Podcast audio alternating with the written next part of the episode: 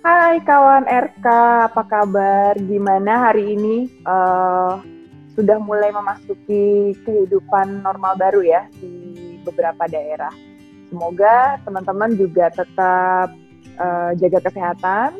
Terus jangan lupa protokol kesehatan tetap harus dipatuhi walaupun kalian sudah mulai beraktivitas seperti biasa.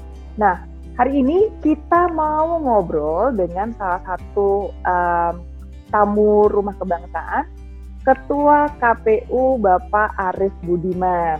Nah, hari ini kita mau ngobrolin tentang uh, persiapan pelaksanaan Pilkada 2020. Ini kan KPU, DPR, dan juga pemerintah sudah sepakat bahwa pilkadanya akan dilaksanakan uh, eh, 9 Desember 2020. Kalau nggak ditunda lagi ya, gitu. Nah, tapi uh, sekarang mendingan kita ngobrolin apa aja sih persiapan dari uh, Komisi Pemilihan Umum sebagai salah satu penyelenggara pilkadanya. Selamat siang Bapak Arif Budiman. Selamat siang Mbak Erika. Selamat siang ya. teman-teman RK. Mudah-mudahan semua dalam kondisi sehat, masih Amin. terus bisa beraktivitas meskipun dari rumah masing-masing. Assalamualaikum warahmatullahi wabarakatuh. Waalaikumsalam warahmatullahi wabarakatuh. Pak Arif, kita langsung aja nih Pak. Ini kan eh, KPU, DPR sama pemerintah sudah memutuskan pilkada akan dilaksanakan tanggal 9 Desember 2020. Yeah. Kalau nggak ditunda lagi ya, gitu. Ada kemungkinan ditunda nggak sih Pak kira-kira? Tergantung perkembangan beberapa hari nanti ya. Oh, Oke, okay. jadi masih tergantung perkembangan. Karena kan kemarin angkanya naik lagi dan agak tinggi 900 uh, eh, di atas 900 lagi. Ini untuk kedua ya. kalinya ya, Pak. Di ya. atas 900. Nah, um, sebenarnya kalau melihat dari kesiapan uh, Komisi Pemilihan Umum sendiri, siap nggak Pak untuk Desember 2020? Uh, eh, sejak awal KPU uh, tidak punya pilihan, gitu ya. Uh, diperintah oleh undang-undang untuk menjalankan uh, pemilu maupun pemilihan kepala daerah, dia harus siap kapan pun. Nah, sejak KPU memutuskan uh, pemilihan kepala daerah 23 September 2020, dia sudah siap. Nah, kemudian melakukan beberapa penundaan, uh, memberi opsi uh, Desember 2020, Maret 2021, dan September 2021. Itu artinya KPU juga siap dengan tiga opsi tersebut. Nah, tetapi eh, dalam mempersiapkan pelaksanaannya, KPU membuat beberapa syarat karena ini situasi khusus atau uh, dulu sering kali uh, teman-teman menyebut situasinya kan nggak normal gitu loh. Kalau hmm. 23 September 2020 situasinya normal, regulasinya hmm. sudah ada, anggarannya sudah ada, SDM-nya sudah ada, siap. Hmm. Nah begitu kita tunda, maka KPU harus mempersiapkan hal baru Nah, itu yang menjadi syaratnya. Nah, terus eh, KPU siap enggak? Nah, tergantung apakah syarat-syarat itu bisa dipenuhi atau tidak.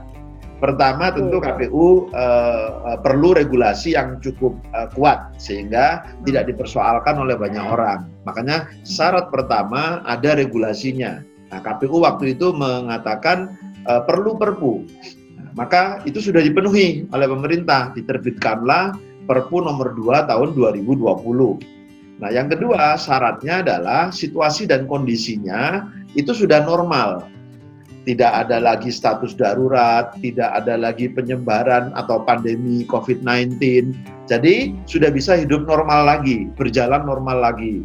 Ternyata sampai dengan tiga bulan uh, penundaan itu habis masa berlakunya gitu ya kan kita awalnya hanya menunda tiga bulan Nah, Sampai dengan asumsi ditunda tiga bulan, maka mundurnya pun tiga bulan dari uh, September menjadi Desember 2020. Nah, ternyata syarat yang kedua ini tidak bisa dipenuhi.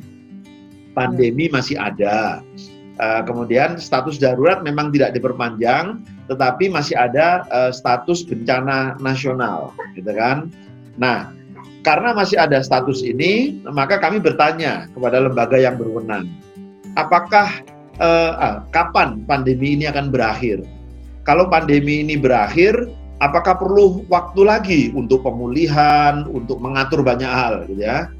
Dan diberi penjelasan bahwa pandemi ini tidak ada satupun bisa memperkirakan kapan berakhirnya. Tidak juga tahun ini, tidak juga tahun depan, tidak juga beberapa tahun kemudian gitu ya. Sepanjang vaksinnya belum ditemukan, maka pandemi ini akan mungkin masih ada terus gitu ya. Maka lembaga yang berwenang itu eh, BNPB uh, eh, bersama gugus tugas memberikan ketentuan, memberikan ketentuan kepada KPU uh, kalau mau menjalankan pemilihan kepala daerah silakan silakan dilanjutkan tetapi harus menjalankan protokol kesehatan yang sudah ditetapkan oleh pemerintah. Nah, karena uh, darurat apa namanya pandeminya belum selesai, KPU kalau mau melanjutkan harus me, apa namanya menerapkan protokol kesehatan, maka KPU menyiapkanlah uh, beberapa ketentuan, beberapa syarat untuk terpenuhinya protokol kesehatannya.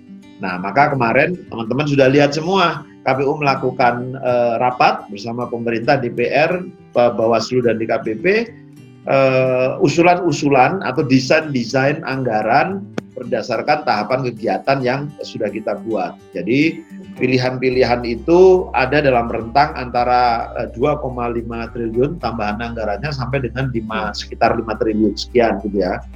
Kenapa itu perlu dilakukan KPU? Supaya protokol kesehatan yang disyaratkan oleh lembaga tersebut uh, bisa dipenuhi. Nah, itu apa namanya uh, uh, opsinya itu ada yang terpenuhi secara utuh, lengkap gitu ya. Penyelenggaranya disehatkan. Jadi bukan hanya diobati kalau ada yang sakit, tapi penyelenggaranya disehatkan. Penyelenggaranya dijaga. Begitu juga pemilihnya. Nah, jadi kami menyediakan alat pelindung diri mulai dari masker, hand sanitizer, disinfektan, vitamin gitu ya, eh, kontrol rapid test setiap dua bulan sekali. Jadi semua kita sediakan semua, termasuk sarana logistik untuk pemilunya. Nah, hari ini uh, semua sedang dipersiapkan. Tahapan akan dimulai tanggal 15 Juni.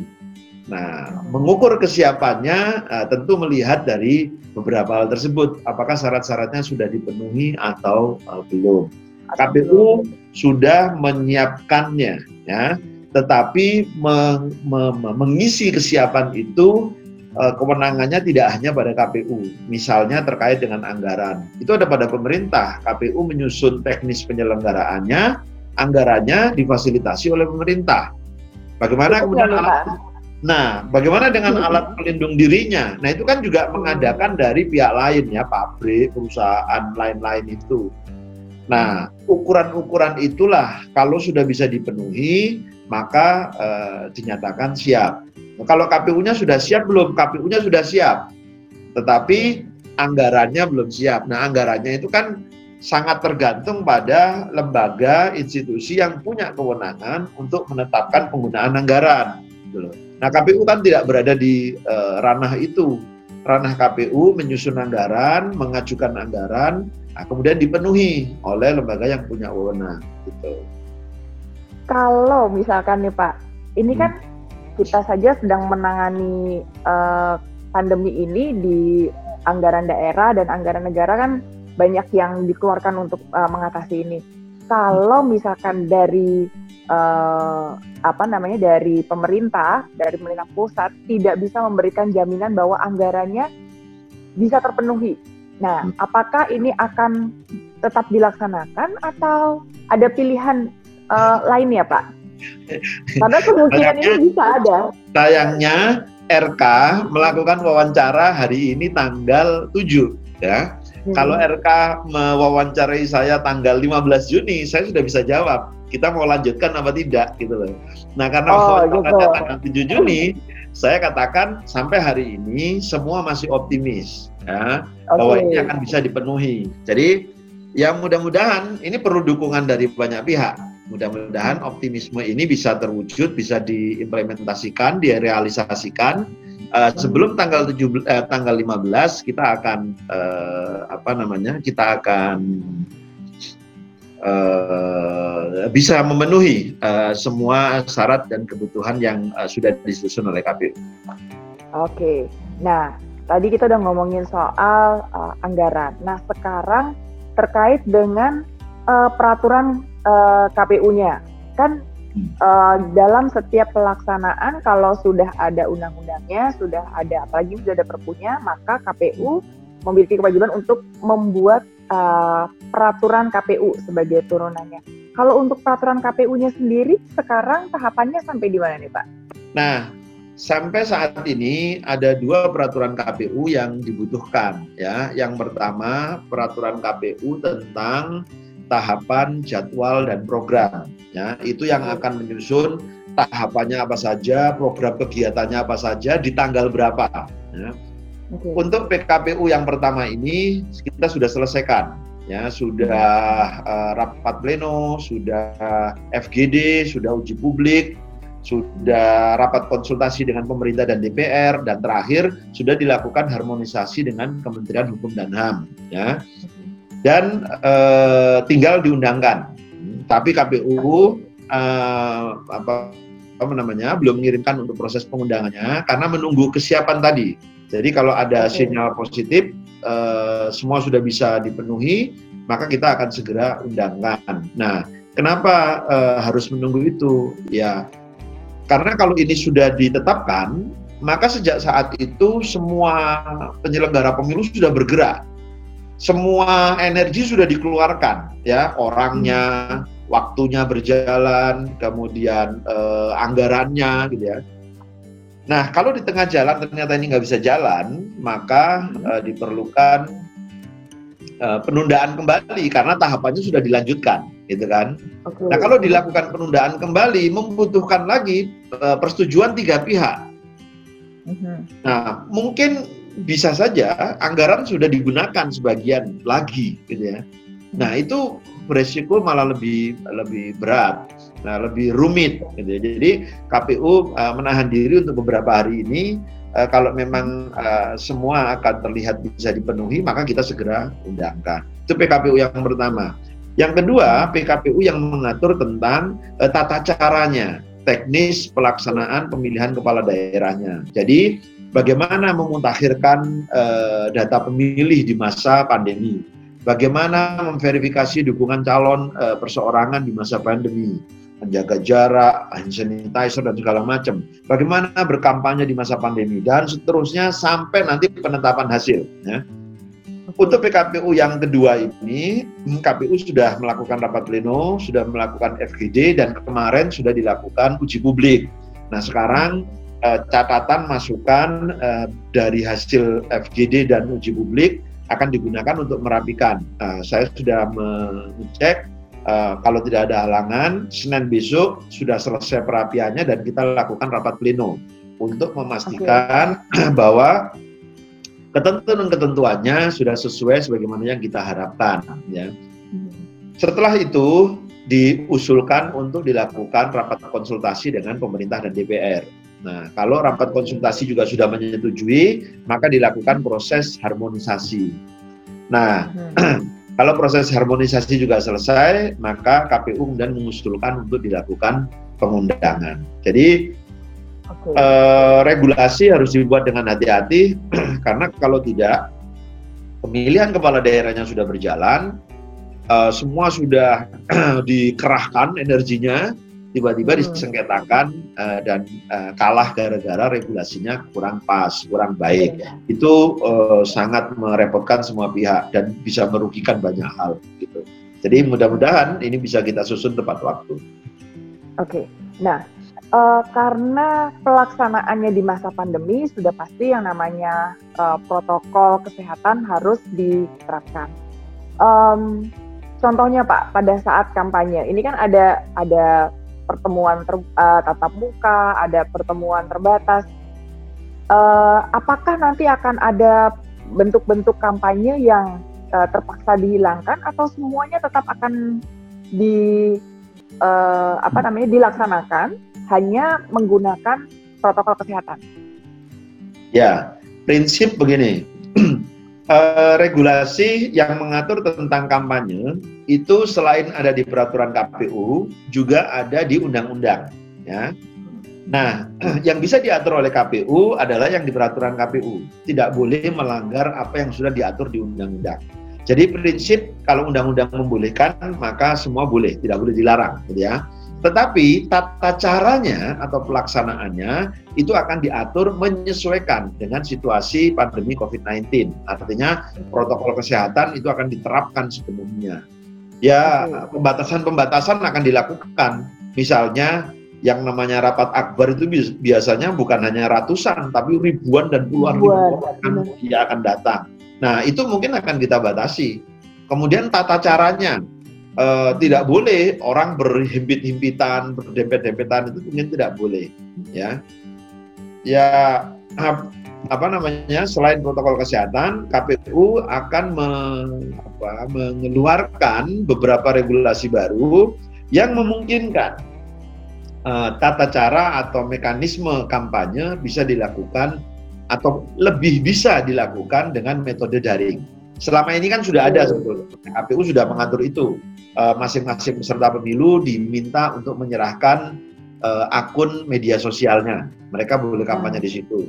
KPU juga sudah memfasilitasi uh, iklan uh, kampanye di media massa cetak dan elektronik, mulai dari koran, radio, TV itu difasilitasi juga oleh KPU. Ya. Kemudian ada umbul-umbul, baliho gitu. Tidak dengan cara uh, tatap muka. Jadi metodenya banyak selain tatap muka itu juga ada metode yang lain. Nah, kemungkinan KPU akan mendorong metode yang lain. Kalau toh misalnya ini semua masih meminta karena itu undang-undang memperbolehkan, maka pelaksanaannya harus dengan eh, apa namanya protokol kesehatan yang ketat, harus diawasi secara ketat. Jadi tidak ada yang melanggar protokol kesehatan itu. Oke. Nah, uh, yang kedua yang juga sangat uh, apa namanya suka, sangat penting untuk diatur adalah pada saat pemungutan suaranya. Nah, yeah. ini uh, pemungutan suaranya agak-agak susah-susah gampang nih Pak. Um, itu satu TPS uh, akan dibatasi berapa jumlahnya Pak? Yeah. Kalau hitung-hitungannya KPU? Ya, Uh, nah ini perlu mendapat catatan dan perhatian dari teman-teman uh, rumah kebangsaan ya. Uh, nanti uh, mungkin TPS-nya akan agak jauh lebih sedikit, uh, agak uh, lebih jauh sedikit dibandingkan sebelumnya. Bisa saja itu terjadi karena yang semula uh, satu TPS itu maksimal bisa 800 pemilih, nanti akan kita belah lagi karena kemarin disepakati satu TPS maksimal 500 pemilih.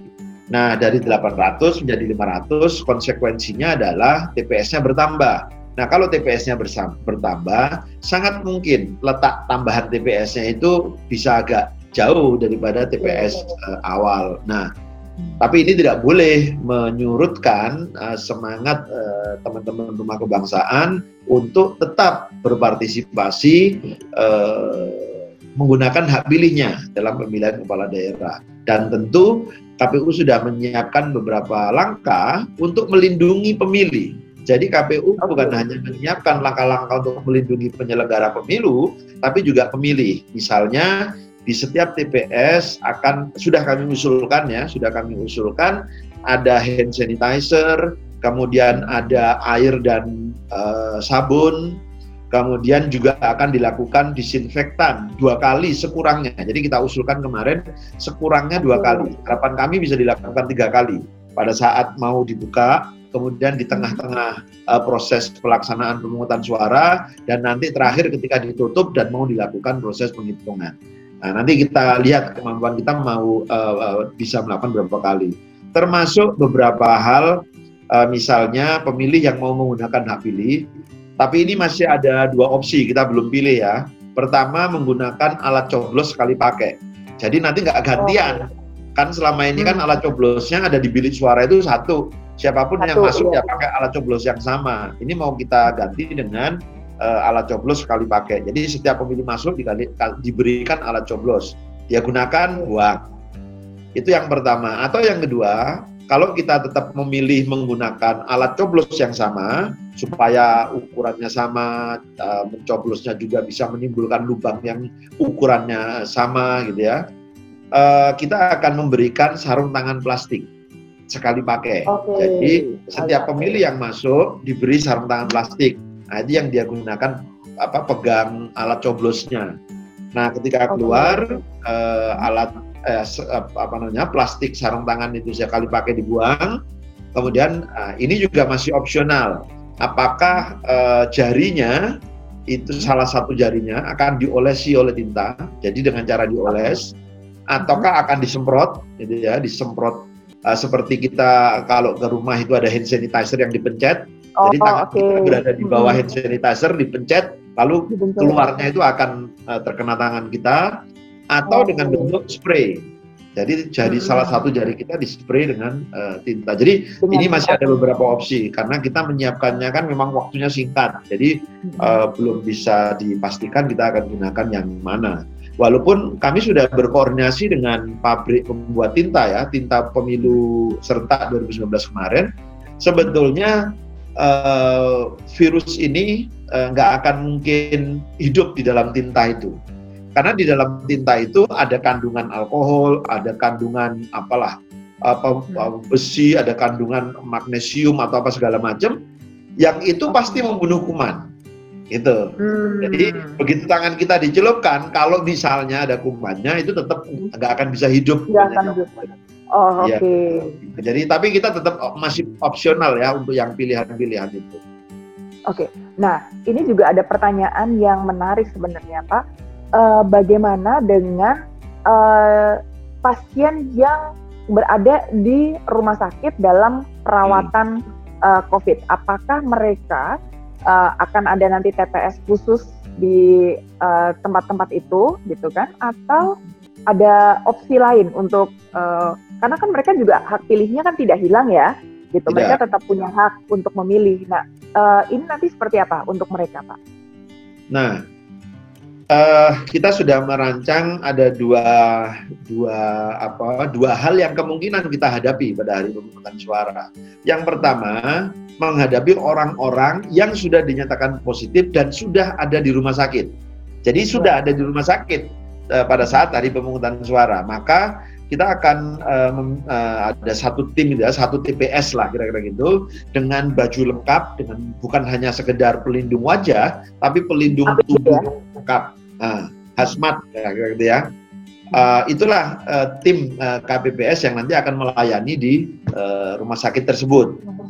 Itu kalau mereka sudah ada di sana. Nah, yang kedua, kalau mereka datang ke TPS dan ketika diukur suhu tubuhnya ternyata ada gejala atau kemungkinan dia terpapar uh, COVID-19, maka dia akan kita arahkan memilihnya di TPS tersendiri tetap di hmm. TPS tersebut ya dia nggak perlu pindah ke TPS lain tapi nanti ada satu bilik suara yang memang dikhususkan bagi uh, pemilih yang suhu tubuhnya di atas ambang batas ya kita okay. belum tentukan sebetulnya ambang batas itu akan 38 derajat Celcius atau 37, uh, sekian derajat Celcius nanti akan kita uh, tentukan lebih rinci.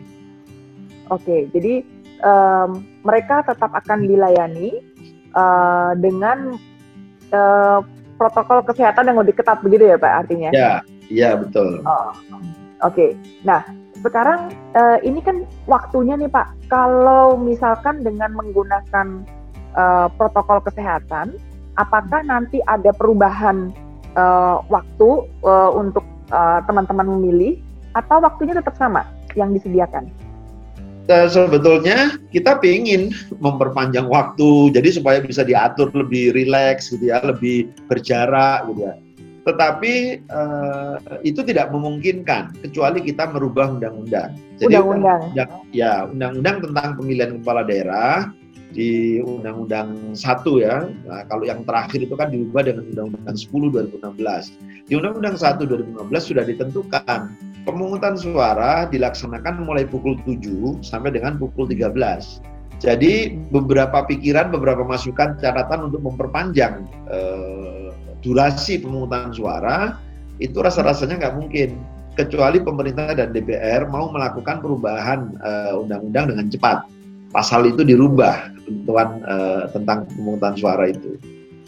Oke.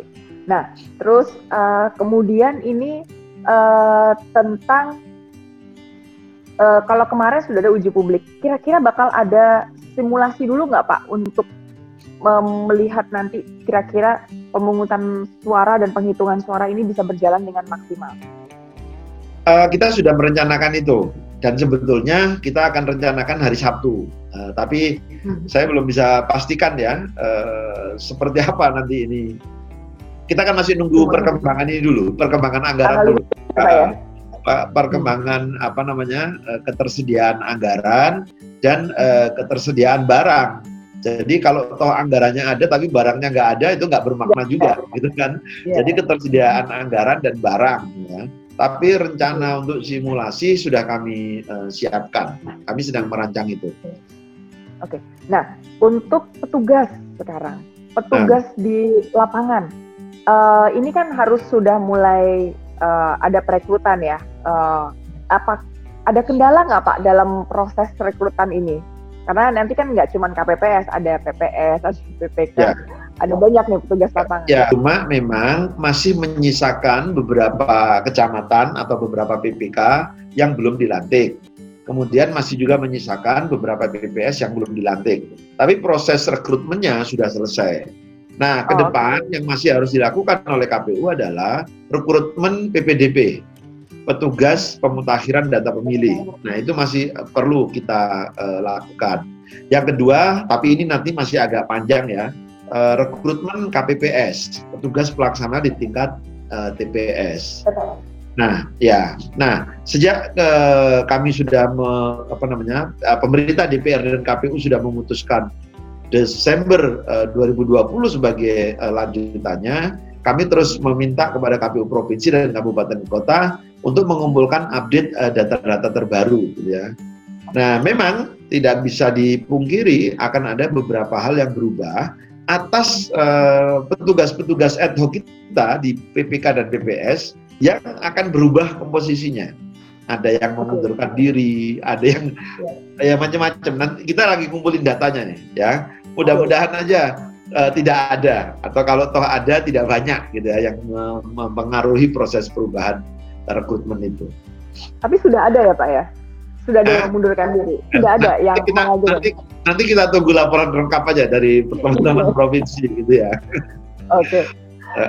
Nah, kalau dari uh, apa namanya dari Bawaslu ada tidak Pak catatan-catatan khusus yang diberikan kepada KPU terkait untuk mewanti-wanti nih karena kan uh, yang namanya apa namanya pelaksanaan protokol ini di dalam keadaan seperti uh, saat ini aja masih banyak pelanggaran gitu. Ya. Nah, ada nggak uh, wanti-wanti yang diberikan dari Bawaslu uh, atau uh, teman-teman yang biasa melakukan pemantauan terhadap KPU, Pak?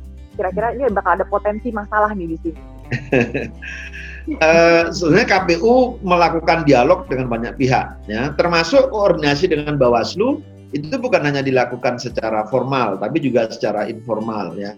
KPU uh, eh, berdialog dengan banyak pihak, uh, teman-teman CSO, uh, eh, teman-teman NGO, kalangan akademisi, juga dengan teman-teman partai politik, gitu ya. Jadi uh, banyak catatan, banyak masukan uh, disampaikan kepada kita uh, karena ini hal baru, ya, menyelenggarakan pemilihan kepala daerah di masa pandemi uh, virus uh, COVID-19. Gitu. Ya. Jadi Uh, mereka memberikan banyak uh, masukan gitu ya.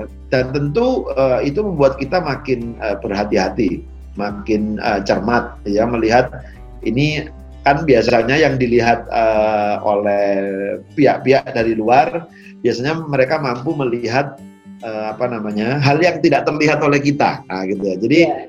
saya selalu sampaikan kepada teman-teman kita mesti uh, terbuka, bersedia bekerja sama, dan terus melakukan dialog dengan banyak pihak.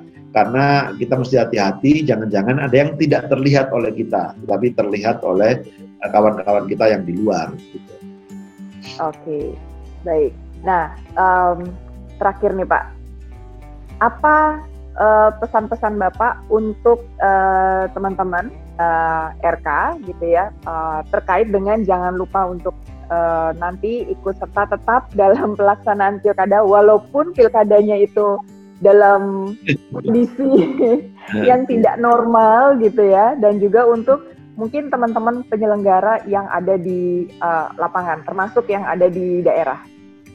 Ya, uh, untuk teman-teman RK penyelenggaraan pemilihan kepala daerah uh, itu membutuhkan peran serta teman-teman semua, bukan hanya pada saat hari pemungutan suara, bukan hanya pada saat Anda menggunakan hak pilihnya, tetapi sejak tahapan awal dimulai itu sudah membutuhkan uh, peran serta teman-teman uh, semua.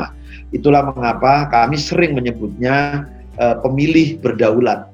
Nah, kalau Anda ingin menjadi pemilih yang berdaulat, Anda ikuti semua tahapan pemilihan ini. Ketika pasangan calon mendaftarkan, Anda lihat sesungguhnya calon ini uh, layak untuk ditetapkan oleh KPU jadi peserta pemilu enggak? Jadi peserta pemilihan kepala daerah enggak? Anda ikuti. Kalau mereka sudah ditetapkan, uh, mereka berkampanye, Anda ikuti. KPU memutakhirkan data pemilih, Anda cermati. Sampai kemudian pada hari pemungutan suara, Anda menggunakan hak untuk memilih uh, pasangan calon yang terbaik menurut Anda. Kalau Anda sudah tahu semua prosesnya, tapi Anda tidak menggunakan hak, pilih, hak pilihnya, Anda belum menjadi pemilih yang berdaulat. Nah, kalau Anda sudah menggunakan hak pilihnya, maka tugas penyelenggara pemilu untuk memastikan bahwa pilihan Anda itu dihitung sesuai dengan pilihan Anda. Jadi bukan dihitung berdasarkan yang lain. Nah, Nah, kemudian terpilihlah uh, pemimpin yang terbaik sebagaimana pilihan uh, Anda semua. Jadi, ikuti seluruh prosesnya, bukan hanya sebagai uh, pemilih yang menggunakan hak pilih di hari pemungutan suara. Termasuk kami membutuhkan peran serta teman-teman semua untuk menjadi bagian proses penyelenggaraan pemilihan kepala daerah anda bisa menjadi petugas pemutakhiran data pemilih. Anda bisa menjadi KPPS. Anda juga bisa menjadi pemantau pemilihan kepala daerah. Jadi proses penyelenggaraan ini membutuhkan peran serta Anda semua. Kepada kawan-kawan saya yang sudah menjadi penyelenggara pemilihan, saya selalu berpesan sekurang-kurangnya empat hal. Pertama, bekerjalah dengan cara yang transparan. Karena kalau Anda transparan, Anda terbuka, maka orang akan percaya kepada Anda. Kalau orang percaya kepada Anda, maka orang akan percaya kepada proses penyelenggaraan pemilunya. Kalau dia percaya pada prosesnya, dia percaya pada hasilnya. Dengan demikian tidak akan ada konflik. Sebetulnya konflik dimulai dari hal yang paling sederhana, ketika penyelenggara tidak bekerja transparan. Jadi penting ini saya tempatkan di poin yang pertama. Yang kedua, bekerjalah Anda dengan cara yang profesional. Profesional artinya Anda paham betul sebagai penyelenggara pemilu itu harus melakukan apa. Jangan sebagai penyelenggara pemilu Anda seolah-olah menjadi peserta pemilu. Nah, ini penting. Bekerjalah dengan profesional. Ya, tahu betul di setiap tahapan Anda harus melakukan apa. Yang ketiga, Anda harus bekerja dengan penuh integritas. Benar harus dikatakan benar salah harus dikatakan salah. Jadi hanya dengan cara ini ya, kepercayaan publik akan terbangun uh, untuk kita semua untuk proses penyelenggaraan pemilu. Yang terakhir yang keempat bekerjalah dengan teamwork yang baik karena eh, KPU sebagai penyelenggara pemilu bukan uh, apa tipikal organisasi yang one man show, bukan lembaga yang uh, dikerjakan oleh satu orang, tetapi didesain dikerjakan oleh beberapa orang yang sifatnya kolektif kolegial dan semua keputusannya diputuskan dalam forum tertinggi yaitu rapat pleno. Maka semua harus mampu bekerja bekerja sama dengan baik. Jangan sampai satu dan yang lainnya itu malah saling bertikai, malah saling menjatuhkan. Maka runtuhnya penyelenggara itu sebetulnya bukan disebabkan lebih karena apa namanya diserang oleh banyak pihak, tapi sebetulnya eh, karena dari dalam Anda tidak solid sebagai sebuah teamwork. Nah, empat hal ini saya ingin berpesan kepada Anda semua, mungkin ada di antara teman-teman dan sahabat RK yang sudah menjadi penyelenggara pemilu, eh, pedomani empat hal ini mudah-mudahan bisa mewujudkan pemilu kita, demokrasi kita menjadi semakin lebih baik. Terima kasih Pak Arief atas waktunya pada siang hari ini. Terima kasih, Mbak. Uh, nah, uh, teman-teman RK, tadi kita sudah uh, mendengarkan penjelasan dari Pak Arief uh, Budiman, Ketua KPU. Uh, jadi, walaupun kita sedang di masa pandemi, tapi jangan lupa uh, tetap pergunakan hak pilih kita uh, dengan sebaik-baiknya. Untuk teman-teman yang akan melaksanakan pilkada, ada 270 daerah yang akan melaksanakan pilkada di uh, Desember 2020 ini. Jadi uh, nantikan uh, kesiapan dari uh, KPU dalam melaksanakan uh, pilkada 2020. Sampai jumpa lagi. Terima kasih Pak Arif. Terima kasih, tetap jaga kesehatan.